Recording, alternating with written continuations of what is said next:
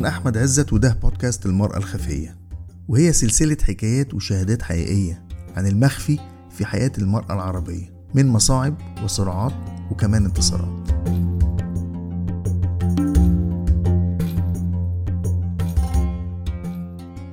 أنا إسلام أمين مخرج أفلام تسجيلية. أنا حابب النهاردة أتكلم عن فيلم ما تظلموهاش ده فيلم تسجيلي. تم إنتاجه بداية إنتاجه في أواخر أو في منتصف 2012 وكان الفيلم ده ظروف وملابسات صنعه آه، كانت بتدور في فترة يعني ملتهبة شوية في تاريخ مصر. وتزامن صنع الفيلم مع آه، حذف سن الطفولة من الدستور.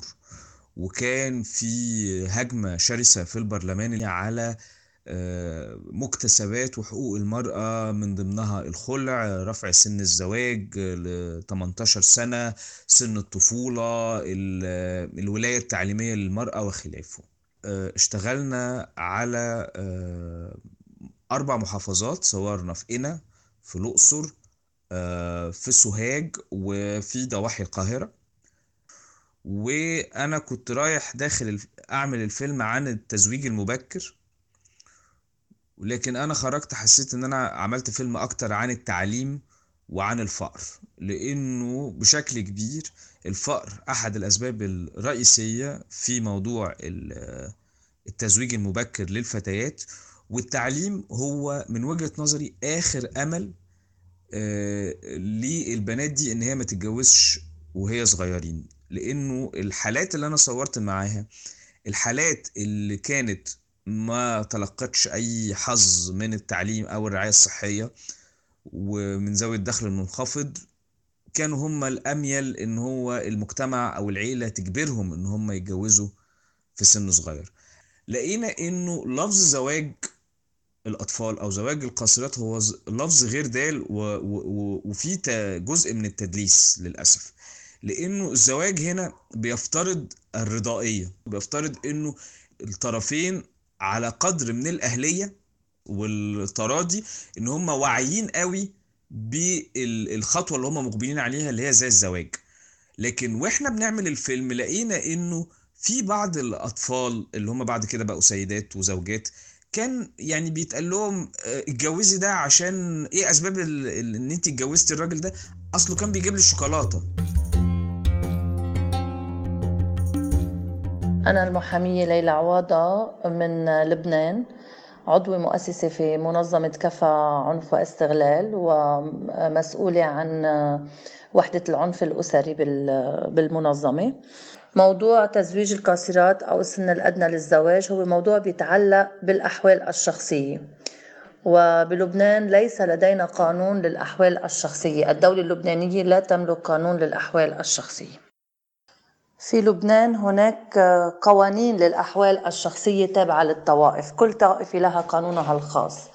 نحن 18 طائفة لدينا 15 قانون للأحوال الشخصية. وفي كل قانون يختلف تحديد آه، آه، السن الأدنى للزواج. فممكن عند بعض الطوائف نرى 18 لكن مع استثناء 16 لكن عند بعض الطوائف الأخرى آه، ليس هناك سن. فهو مرتبط بالبلوغ. فممكن تزويج الفتاة عمر تسع سنوات. آه، نحن عنا قانون يسمى قانون حماية الأحداث. هيدا القانون آه، ما بيتعاطى بموضوع تزويج القاصرات. آه، نحن طلبنا الدائم له أنه يعتبر تزويج القاصرات هو يستدعي تدخل حماية ال- القضاء لأنه هو عنف يمارس على الطفل. لكن هن بيعتبروا هيدي المواضيع تدخل ضمن صلاحيات قوانين الأحوال الشخصية. كفى وغيرها من الجمعيات كمان. آه، لكن كفى كانت مبلشة ب آه، بحملة آه، سمتها raise the age لمطالبة الدولة أن هي تبادر لتحديد السن الأدنى للزواج. لكن طبعا ال- المعركة منا سهلة لأنه الخصوم هن الطوائف وأكيد بيمانعوا تماما أنه يصدر مثل هيدا القانون لأنه بيعتبروا هيدا اعتداء على آه، صلاحياتهم وسلطتهم في قوانين الأحوال الشخصية. وهلأ بمناسبة آه، 16 يوم لمناهضة العنف ضد المرأة آه، في حملات آه، طبعا بلبنان آه، موجهة لموضوع تزويج القاصرات وللضغط من أجل إقرار قانون مدني يحدد السن الأدنى للزواج ب 18 سنة.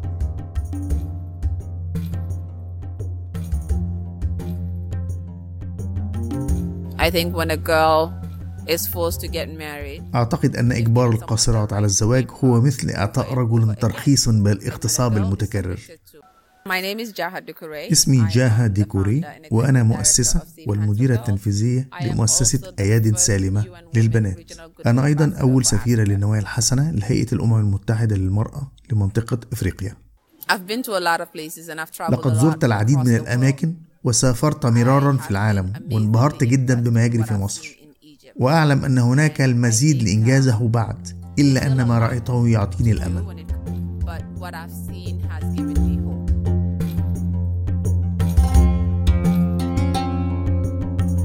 الحلقة دي بدعم من مكتب هيئة الأمم المتحدة للمرأة للدول العربية.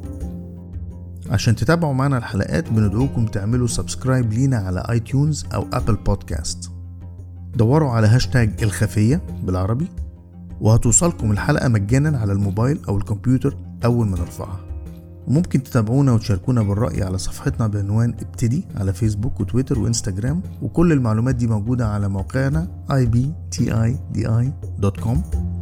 وأخيرا لو عجبتكم الحلقات ممكن تشيروها على هاشتاج الخفية.